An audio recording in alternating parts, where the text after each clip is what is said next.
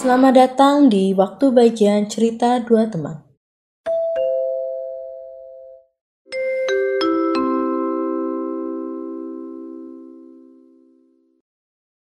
Oh Hana, selamat datang kembali di cerita dua teman. Semoga nggak bosen ya dengan aku Serafina Dewanti yang akan nemenin kalian dengan obrolan yang asik dan pastinya bikin waktu ngeteh kalian lebih seru. Let's move to topic. Oke okay guys, hari ini aku bersama tidak dengan Lia karena tadi opening sendiri ya. Uh, Lia ke mana? Kalian pasti sudah merindukan Lia. Lia akan kembali di bulan depan di episode yang lain. Lia sedang apa? Sedang duduk. Oke, nanti kita boleh tanya Lia di cerita dua teman next next episode. Tapi episode kali ini aku nggak sendirian. De, begitu pula dengan episode-episode yang lain yang bersama teman-teman yang Yahud, teman-teman yang lebih seru. Dan yang namanya cerita dua teman nggak mungkin dong aku ngobrol sendiri. Oke, jadi uh, hari ini kita mau ngobrol-ngobrol sama Ana. Uh, kita mau membahas tentang kenapa sih orang-orang itu bersikap bodoh untuk menjadi terkenal. Dan kenapa stasiun TV itu menerima orang-orang bodoh ini untuk tetap terkenal menjadi terkenal dan tetap terkenal. Oke mungkin agak kasar kali ya kata bodoh gitu kan tapi aku nggak tahu lagi mau mengekspresikan dengan kata apa coba dengan dengan tingkah dan kelakuan mereka. Menurut lo apa nih enaknya? Bahasanya gitu orang-orang apa ini? Orang-orang yang caper ini tuh enaknya disebut apa jadi sebenarnya menurutku kata bodoh itu nggak sekasar itu sih nggak sekasar itu sih kalau misalnya ditujukan ke orang-orang kayak gitu karena emang perlakuan mereka pantas untuk dibilang itu perlakuan bodoh gitu. Menurut lo orang yang terbodoh yang pernah lo lihat siapa? Orang terbodoh yang pernah gue lihat? Ya menurut lo uh, ya selebritis ya, bukan kita nggak bisa sebut mereka artis. Maksudnya menurut aku tuh kayak artis art mereka pelaku seni gitu loh. Apa yang mesti dapat seni dari mereka? Nah kita aja sebut selebriti selebriti siapa yang menurut lo pantas banget dikatakan bodoh? Nomor satu, kalau misalnya ada top 5, 5-nya siapa, one-nya siapa? Yang pertama sih top top top 5-nya. Apa teratasnya? Teratas dulu atau terbawahnya dulu nih? Atasnya dulu nih. Atasnya dulu. Karena gue gak suka banget sama kelakuannya dia. Oke, siapa? Sudah jelas yang berini, yang memakai headband. siapa lagi gitu Iya, mas-mas headband. Iya, Pak. Mas-mas headband yang kemarin tuh baru dapat musibah gitu kan ya. Jadi mas-mas headband itu memang kemarin dia lagi dapat berita duka cita gitu kan. Ya, emang sebenarnya kita juga turut berduka cita sih. Karena anaknya yang pertama itu kan baru aja kuburan gitu. Cuman yang kurang pintar.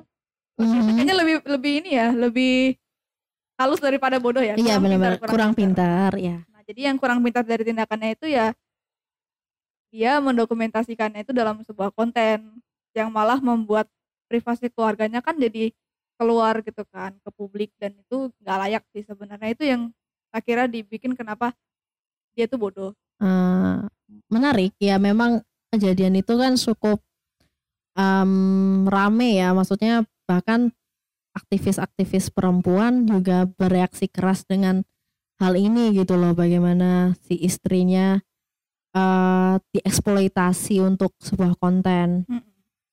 Terus oke okay, kalau itu tadi kan mas mas headband yang bawahnya. Kedua Aldi Tahir. Uh, kalau di gue top 5 nya mungkin Aldi Tahir dulu baru mas mas headband sih. Kenapa nih kok bisa kayak gitu? Kalau menurutku karena kalau aku ngelihatnya dari ini si mas-mas headband ini masih ada etika etika ketika mereka dia punya program acara ketika dia aku host gitu ya. Hmm. dia dia maksudnya menarik perhatiannya dengan cara menampilkan konten yang bodoh ya kan? Tapi kalau tapi ketika dia diundang dalam suatu program acara ya dia kelakuannya normal gitu loh. Memang IB selebriti tapi hmm. kalau Aldi Taher itu udah nggak punya konten atau nggak punya sesuatu yang bisa dihasilkan gue nggak sebut karya eh terus ketika dia diundang di program acara orang juga dia tidak menghargai yang punya program acara gitu loh dia so childish kalau menurut Iya. aku jadi makanya kalau menurut aku top 5 eh top 5 top 1 nya saat ini Aldi Taher. Tuh paling ganggu baru Mas Mas Headband. Ya mungkin Mas Mas Headband nggak nggak nggak nomor dua banget. Ya let's say nomor Ya, lima ya. Kalau buat buat aku loh ya kalau buat aku. Lalu lanjut. Apa tadi kan Aldi Taher kalau kenapa Aldi Taher? Ya karena dia ini sih kayak gimana ya etikanya kurang gitu.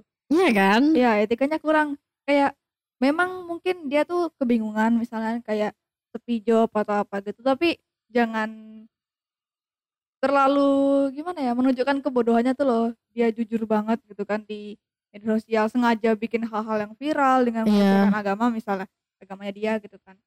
Itu kan juga kurang etis bagi seorang publik figur yang jadi panutan atau jadi tontonan gitu, orang-orang ya Betul. nah itu kalau aku kasihan sama Indra Herlambang sumpah. Sampai dia harus walk out dari acara acara program acaranya itu yang nggak benar-benar literally walk out tapi dia udah kelihatan apa namanya capek banget gitu loh menghadapi. Dan di beberapa program acara TV gue ngelihat artis-artisnya lah eh sorry selebritis yang lain atau host-hostnya itu tuh pada udah gedek banget gitu loh. Selesai segede-gedeknya sama Vicky Prasetyo kayak lebih gede ke mata Aldi Taher sebenci itu gitu loh gue ngelihatnya kayak siapa pun di muka bumi ini kayak mau getok di kepalanya Aldi Taher cuman yang salahnya gini.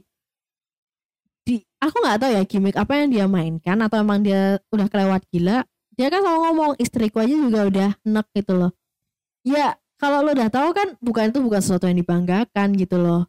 Ya lu bukannya aku dunia terus mengurangi apa gimana? Iya oke mungkin itu proudnya lu kayak gue sadar diri sih. Tapi kalau itu masih diteruskan kok jadi kesannya kayak daplek ya orangnya Iya sih, sebenarnya dulu tuh dia tuh nggak gini gini nggak dulu tuh dia sebenarnya nggak gini-gini banget gitu kan.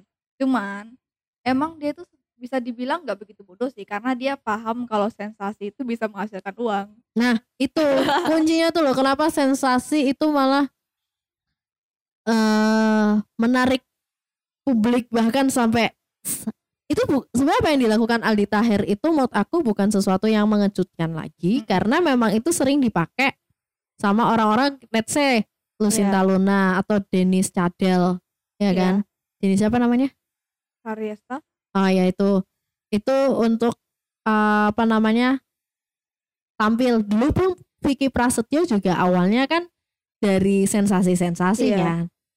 Pertanyaannya adalah kenapa gitu loh? Kenapa malah orang-orang ini dikasih wadah, dikasih tempat untuk tampil di TV, tampil di TV nasional.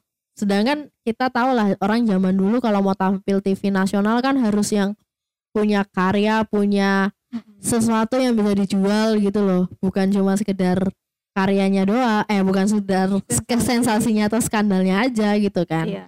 orang baru berskandal setelah dia udah kaya let's say kayak eh, artis siapa ya aduh mau nyebut jadi nggak enak ya pokoknya ada lah banyak Yang kan artis-artis yang mundur.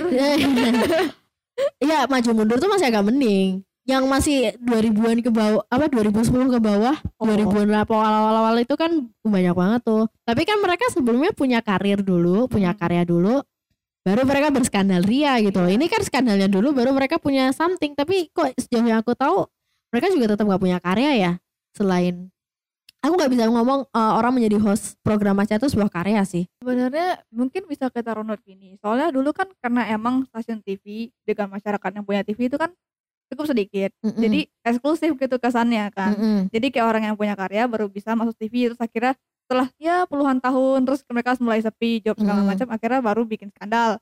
Soalnya gitu kan. Mm-mm. Akhirnya karena polanya kayak gitu dan terlihat kalau skandalnya itu lebih menjanjikan daripada bikin karya. Jadi kayak mungkin ya generasi selanjutnya tuh melihat kalau skandal ini tuh lebih cepat dap- dapat pundi-pundi gitu. Mm. Jadi akhirnya banyak yang melakukan hal serupa.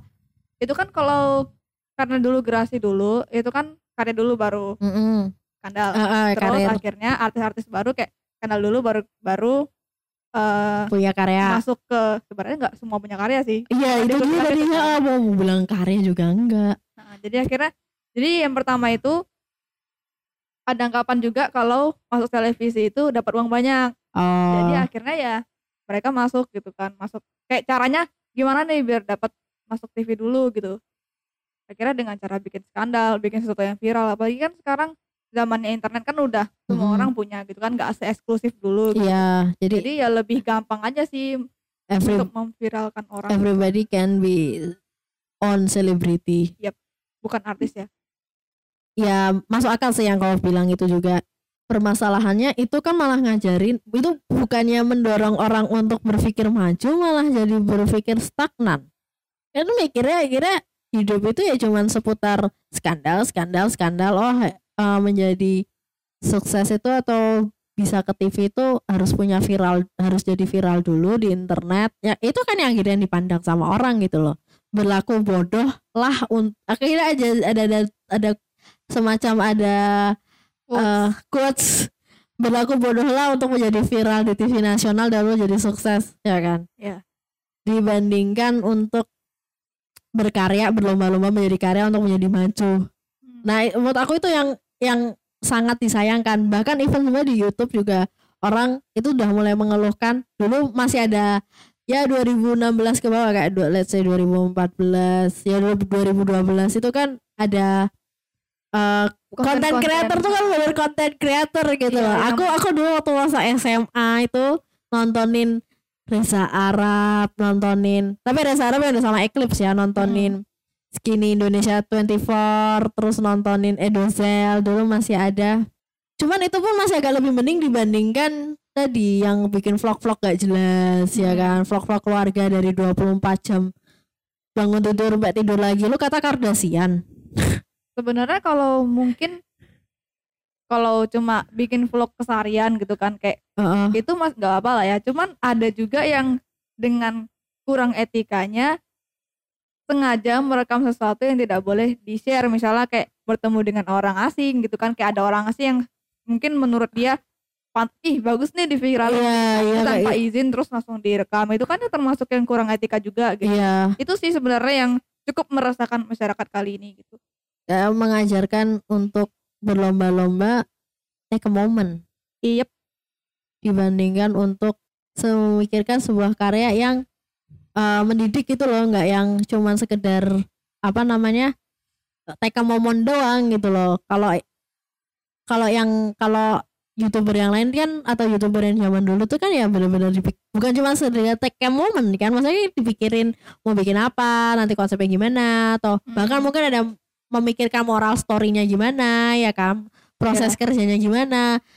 Kreativitasnya gitu loh kreativitasnya kan yang dijual gitu loh. Sekarang kan nggak yang dijual take a momennya gitu loh. Momennya yang Iya. dijual yang yang kadang bahkan momennya itu eh nggak mempedulikan privasi atau konsens dari orang itu gitu loh.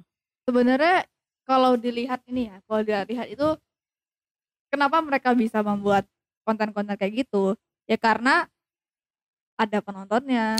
Nah aku kita paling bahas ini nih kenapa penontonnya kok kebanyakan sukanya drama-drama kayak bahkan channel-channel edukatif tuh sepi penonton tuh loh Iya kayak kok bisa Iya. atau pulang sekolah punya koi cabe. Eh, aku suka banget nonton itu. Lah ya atau TED Talk. Sebenarnya YouTube itu kayak YouTube ya kita sekarang lebih spesifik ke YouTube dulu lah ya. Mhm. karena memang banyak konten kreator di situ di YouTube itu nggak kekurangan konten kreator. konten ini konten yang edukatif gitu enggak aku aku sering banget nonton satu channel yang isinya tentang kayak filsafat gitu-gitu kan, kayak pandangannya si konten kreator gitu. Jadi dia literally cuma berdialog nggak berdialog sih kayak komunikasi satu arah gitu lah ke Hmm. kamera gitu kan.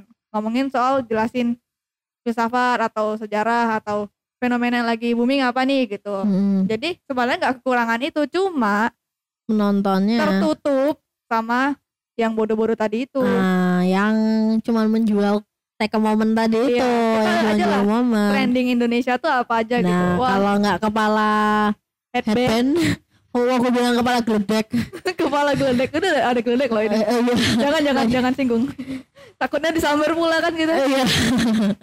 maksudnya kalau nggak itu nanti keluarga yang mana ya kan? Keluarga Misalnya sultan yang- sultan yang yang punya pesawat itu. Ah, kan. RR Ah, atau keluarga yang mana lagi terus ya itu itu kan yang lagi yang selalu rame yang selalu bahkan gua nggak keselnya gini. Mereka udah rame di sosmed YouTube mereka juga rame di TV Iya. kayak kayak butuh validasi banget sih kalau kamu tuh kaya atau butuh validasi banget sih kalau kamu tuh artis. Terus menurutku bullshit banget kalau dibilang ada yang ngomong mereka nggak 24 jam di depan kamera Iya, kalau 24 jam di depan kamera, cuman kok udah kebiasaan gitu loh, kayak misalnya something happen gitu kan, misalnya kayak anaknya demam lah, terus tiba-tiba langsung ngambil kamera, oh si ini demam, Hmm. sampai akhirnya kemarin berita juga loh, portal media, Iya. kita tuh kayak Rafathar sakit demam gitu kan, terus kayak ini pentingnya apa gitu, Iya kayak kayak nggak ada hal lain yang bisa dibicarakan gitu Iya. loh.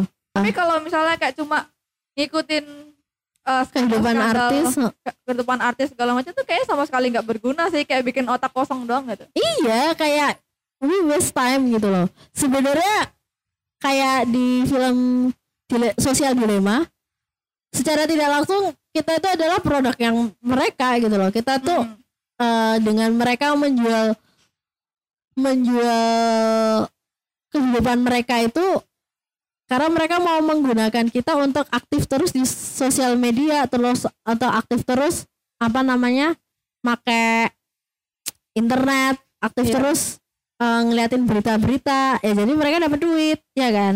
Iya, cuman ini nggak lepas juga sih dengan emang kesenangannya masyarakat masyarakat negara kita tercinta aja yang suka dengan keributan lalu ikut-ikutan nyinyir gitu. ya Itu sih yang soalnya kan kalau ya kita lihat sinetron ber- merajalela ya Wak seneng aja gitu kan kayak kita lihat sekeliling kita.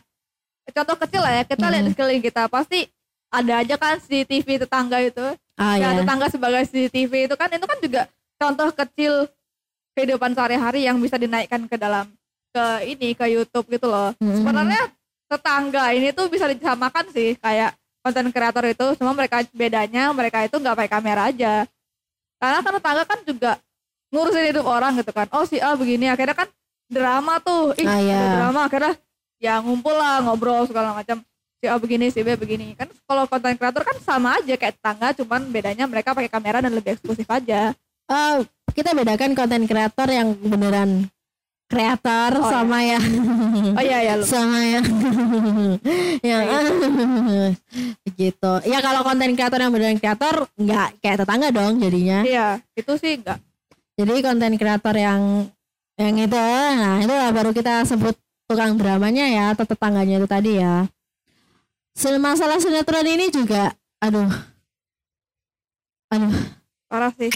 sejujurnya semenjak aku nggak pakai TV kabel lagi karena kan aku sudah pindah kos ya kan? Semenjak aku ngekos kan aku nggak mungkin dong saya di kos pakai TV kabel mahasiswa kayak apa gua? Hemat listrik dong. iya bu. Kalau nggak gua tiap hari nonton. Nah saya nggak pakai TV kabel lagi aku udah nggak pernah nyalain TV loh.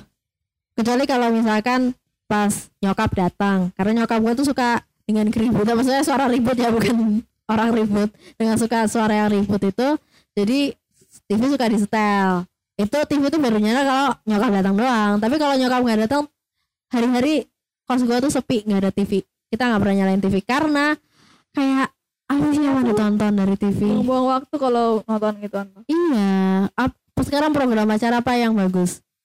Menurutku yang masih agak mending-mending sesekali gue nonton eh apa satunya spotlight. On the spot. on the spot itu doang. Tapi itu juga lama-lama bosenin kalau nggak yang misteri. Iya. Sebenarnya benar-benar TV itu kekurangan konten yang menarik gitu loh. Bahkan Iya. ada salah satu satu stasiun TV yang literally cuma ngambil video dari YouTube dimasukin ke TV. Itu Iya. pun tanpa ngasih sumber kayak cuman dia kasih sumber sih kayak sumber dari YouTube gitu Betul, kan. ah, Cuman kan channel mananya kan nggak dikasih tahu kan. Itu Iya. kan juga termasuk Pelanggaran ah, pelanggaran hak cipta, pencurian karya segala macam. Jadi kok aku mikir kok negara kita jadi kayak gini banget gitu ya. bahkan kadang separah kayak itu udah viral bulan lalu baru ditayangin di TV bulan sekarang. Jadi kayak ya Allah gue udah nonton kali. Tidak tidak aktual. iya udah nggak aktual jadi ke mana TV yang dulu gitu loh yang aku suka waktu aku kecil tuh TV itu ada jam-jamnya jam sekian misal pagi itu kan kartun kartun nanti mulai dari jam 8 jam 7 lah let's say jam 7 jam sampai jam 9an gitu baru gosip-gosip. Ah gosip Nah. ibu-ibu terus habis itu baru siang berita. Ah nanti sore kartun lagi. Kartun lagi baru habis itu baru sinetron atau film-film ah. kayak gitu. Dan atau berita atau enggak Iya. berita. Jadi tergantung. Berita tuh ini sih kayak waktu makan siang terus juga maghrib maghrib itu berita Iya juga. juga ada berita. Jadi eh apa namanya menyesuaikan penontonnya itu siapa dan Hmm. lagi apa kan kalau misalkan kenapa pagi-pagi tuh gosip ibu-ibu kan lagi kerja Iya. ya masa ibu rumah tangga ya ibu rumah tangga kan lagi kerja di situ nyalain TV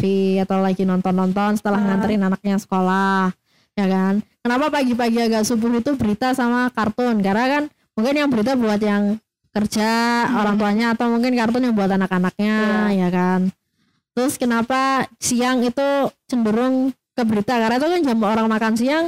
Dan orang pengen tahu informasi terbaru iya kan. tuh.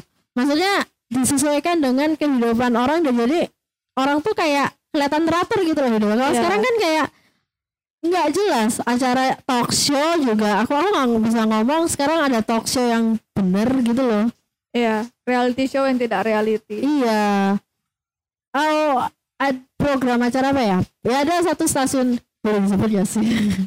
Bollywood boleh disebut gak sih? nggak apa sebut aja oh ya, kayak kalau menurut aku kayak brownies. Itu kan sebenarnya konsepnya talk show, iya ya kan? Tapi em apa ya? Hmm, talk show-nya itu udah nggak talk show gitu, udah nggak beda ya kalau kita waktu eh, dulu kecil nonton Ceriwis atau show Imas show atau kalau ini Sarah Sehan. Kan si hostnya itu benar-benar nanyain tentang misalkan karyanya nyanyi dangdutan terus pada heboh. Terus games games aneh kan? Iya.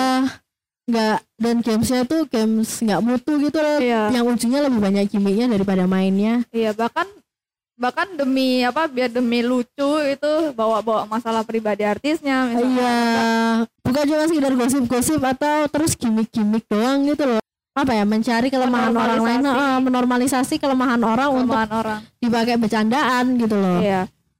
Apalagi kan kalau misalnya kayak nggak dibarengi dengan pendidikan moral yang baik, Hmm. etika yang baik. Mm. Jadi kayak jokes yang seharusnya hanya bisa diomongi ke orang yang dekat dengan kita, kayak mungkin ya sahabat atau Mm. teman atau pacar gitu, itu malah dibawa ke lingkungan baru yang orang-orangnya tuh belum belum terlalu akrab dengan kita atau masih asing gitu lah. Kan jadi kan terdengar rude banget gitu. Hmm. iya itu bener yang sebenarnya nggak bagus sih tapi ya gimana ya sebenarnya ada contoh konkret sih kalau memang media yang sekarang di Indonesia ini sudah dikontrol oleh selera masyarakat contoh aja kayak stasiun TV yang bangkrut itu yang dulu di yang dulu dipimpin sama Pak Wisnu Utama Heeh. itu Eh, kan emang net bangkrut? Iya jadi kan sekarang kan channelnya juga diubah-ubah semua. Kalau dulu kan Iya pas awal-awal eh, rilis kan bagus-bagus tuh. Kayak ada ini talk show, oke Jack dan lain itu kan cukup menarik lah kayak Iya. fresh gitu lah. Jadi nggak se cringe di stasiun TV luar. Tuh sekarang kan gara-gara emang ratingnya jelek dan nurun akhirnya ya itu diganti kalau menurut aku ah, gimana ya nggak kompak bukan nggak kompak. Jadi ya jahatnya stasiun TV yang lain. Aku aku tidak menyalahkan net gitu loh di akhirnya begitu. Ha-ha. merasa masyarakat itu bisa kok diatur seleranya. Asalkan eh, mau mau ada orang yang mau mengatur bukan lebih tepatnya adalah willingly dari stasiun TV-nya untuk ya stop dengan acara acara-acara itu gitu loh. Tapi ya dilakukan serempak. Maksudnya udah ada net ya kalau gua jadi stasiun TV let's say RCTI ya MNC TV atau Trans TV Transcorp gitu bahkan even Indosiar ya gua akan berpikir untuk kalau misalkan waras loh ya akan berpikir untuk ikut jejaknya net gitu loh. Yang bisa menambah kualitasnya masyarakat iya gitu loh bukan bukan untuk uh, malah tetap dengan bukan malah tetap dengan stagnan dengan sinetron-sinetron yang nggak jelas malah makin parah gitu kan malah ma- kalau kalau alasannya ya gimana nih yang disukai masyarakat? Ya mm, ya lo harus bikin gimana caranya bikin program yang edukatif tapi juga disukai sama masyarakat gitu loh. Iya. jangan berpatok pada ya masyarakat suka yang drama apa lu bisa kok ngubah. Dulu kita terpaksa dengan selera apa namanya nonton kayak keluarga cemara atau nonton kan dulu ada 2000-an tuh ada zaman-zamannya banyak games games gitu kan atau ajang-ajang petualangan Sherina Nah, Terus- itu itu kan artinya kita, kita diatur seleranya. Kenapa kita dulu suka acara games game? Kenapa anak-anak 80-an, 90-an itu atau dua apa su- 80-an 90-an itu suka acara-acara yang zaman dulu, eh, acara-acara yang lebih edukatif? Ya karena karena kita dulu tontonannya itu, seleranya Iya. kita itu. Ya kan berarti kan kita sudah dibentuk seleranya. Sekarang siapa yang suka acara sinetron-sinetron itu? Kalau enggak pilihannya ibu-ibu, anak-anak yang kelahiran 2000-an. iya Ya mungkin yang ibu-ibu ini dulunya belum punya TV, begitu punya TV udah yang udah ganti sinetron. Ya akhirnya seleranya ngikut selera sinetron. iya Iya toh. sebenarnya aku aku ada ada dapat baca cerita yang menarik sih dari Hmm. Jadi kan kan banyak kan kalau di Facebook kalau apa kalian-kalian yang main Facebook pasti kan tau lah sempat ada rame banget di satu satu fanpage yang menyindir soal acara-acara televisi sekarang kayak Mm-mm. azab gitu kan Hmm. sindir kan jadi kayak Hmm. ada apa adegan-adegan nggak masuk akal pasti disindir lah jadi kan Hmm. segala macam gitu itu tuh sebenarnya memi- eh, menyulut satu kemarahannya salah satu penulis skenario di akun ini Mm-mm. di sinetron-sinetron itu katanya mereka itu tuh bukannya nggak mau berusaha untuk membuat konten edukatif mereka tuh punya mereka udah bikin dan berusaha keras segala macam cuma ditolak Ya itu karena balik. emang satu TV-nya tuh ngejarnya tuh rating gitu loh Ya balik lagi. Berarti kan yang masalah yang punya yang punya TV gitu loh, ya kan. TV-nya, ngejarnya keuntungan doang gitu Iya, ya kamu bisa menurut aku kayak lu tetap bisa mencoba mencari keuntungan dengan kebaikan. Itu sih masalah egoisme aja. Aku Iya. aku nggak percaya kayak kalau kita berganti dengan konten yang edukatif itu akan ratingnya turun. Gue nggak percaya. Itu cuman cuman mau biar emang rakyatnya bodoh doang. Mm-mm. Kan akhirnya dengan rakyatnya bodoh mereka nggak punya pilihan. Itulah kenapa dulu RCTI nuntut kan, nuntut apa namanya YouTube Yang dan lain-lainnya. yang live streaming itu Bukan. Eh apa sih? iya kan ya Oh yang live streaming ya, ya, ya streaming bener-bener Iya nonton yang kita untuk Alhamdulillah dibatalkan Ya kan karena itu Kalau misalkan orang pada Mungkin menurut aku mereka dia mereka sudah sadar orang sekarang punya pilihan untuk nonton YouTube. Orang nonton YouTube Ah. kan kalau nggak suka yang yang acara-acara bodoh mereka bisa nonton yang edukatif kan, iya Iya kan? Akhirnya orang jadi apa? Jadi pinter. Orang yang jadi pinter kan bisa tahu acara TV nggak bagus. iya Iya kan? Mak kalau menurut aku sih ya problemnya adalah mereka hanya pe- pengen kita bodoh doang biar kita bisa bodoh-bodohi mereka tetap bisa berkuasa. Ya Dan- mereka bisa mener- meneruskan em strategi keuangan itu eh, kayak gitu tuh loh. Menurut aku sih ini masalah strategi marketing doang, bukan Iya. masalah oh kalau misalnya kita ganti apa cara edukatif itu ratingnya turun karena selera masyarakat sukanya yang drama. Enggak.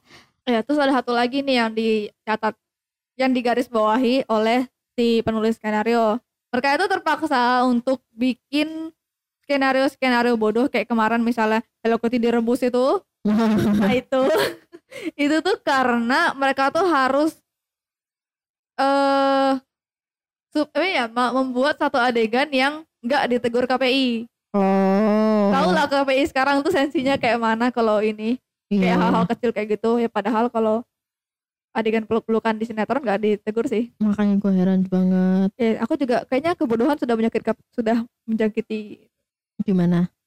ya gara-gara itu. Maksudnya kayak mereka tuh membuat peraturan tapi tidak Oh, secara menyeluruh gitu. Em, gimana ya? KPI sendiri ya ya gitu deh. Ada satu golongan yang ya udah kita nggak usah bahas. Nanti daripada kita diciduk intinya belum siap viral. Oh ya belum siap viral kan pernah sempat dibahas tuh apa namanya yang acara Metro TV aku lupa namanya itu yang sampai ada meme-nya bagian mana tidak maksud akalnya tau gak sih yang sempat viral ibu-ibu yang ngomong bagian mana yang tidak masuk akalnya Enggak sih, aku enggak Enggak, aku nggak tahu nonton. Tadi itu sempat sempat viral tuh. Apa namanya? KPI diundang ke acaranya salah satu program di Metro TV. Ditanyain lah kenapa KPI menyens apa ya? Menyensor sesu- sesuatu yang tidak perlu disensor dan tidak menyensor sesuatu yang perlu disensor, ya kan? Kan hipokrit jadinya. Iya. Terus habis itu ada pertanyaan, oh intinya kayak sinetron asap tidak mendidik dan tidak masuk akal. Kenapa itu diizinin kayak gitu lah kira-kira aku rasa. Terus habis itu si ibu-ibu ini jawab bagian mana tidak masuk akalnya. Nah terus orang-orang pada bikin pada bikin apa namanya eh joke gitu dengan videonya itu ketika ibu ngomong bagian mana tidak masuk akalnya terus ditampilin lah video-video asap yang ada mayat yang masuk molen, ada mayat Masuk yang molen. terbang, Iya. ada Yang gas LPG. nah yang itu kan Ya, itu Eh, sih. yakin loh bu itu masuk akal demi apa cius ya kan Heeh. kayak lo masih nanya kayak gini aja lo nanya gitu loh kan ya jadi kayak ya mau gimana KPI-nya sendiri juga hipokrit kita mau ngomong apa gitu loh Lah ya, itu bisa dibilang jadi salah satu faktor juga sih. salah satu Kenapa? faktor kenapa ya jadi kompleks ya akhirnya Heeh. permasalahan ini Emang kompleks. Jadi kayak gimana ya kalau mau berubah itu juga banyak banget yang harus dibenahi dan aku nggak yakin kalau para pembuat media itu mau gitu. Karena ya kalau mereka menyetujui itu otomatis yang pasti hujan uang itu berhenti gitu. Ya paling cuma rintik-rintik gitu. Itu doang sih kayak gimana ya?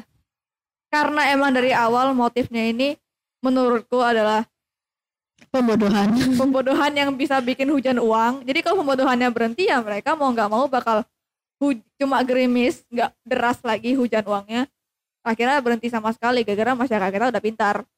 yang lebih bodohnya mereka menuntut live streaming atau apa namanya konten-konten di YouTube itu diatur ya Iya. biar masyarakat tidak bisa memilih konten-konten yang edukatif oke kita tutup aja ya Oke, kita tutup C2T sambat. baru kali ini nggak jelas banget konsepnya Karena kan konsepnya sambat. oh iya benar konsepnya sama oke itu tadi dari Ana dan aku Serafina. Buat teman-teman sendiri yang mungkin ada masukan tentang konten kita konten podcast kali ini. Atau pengen ngikut ngobrol di C2T boleh banget eh, DM kita di @crazy.ent Eh, sama aku Serafina Dewanti. Jangan lupa like, komen, dan subscribe. Bye bye Bye bye. Tunggu kami di episode yang akan datang.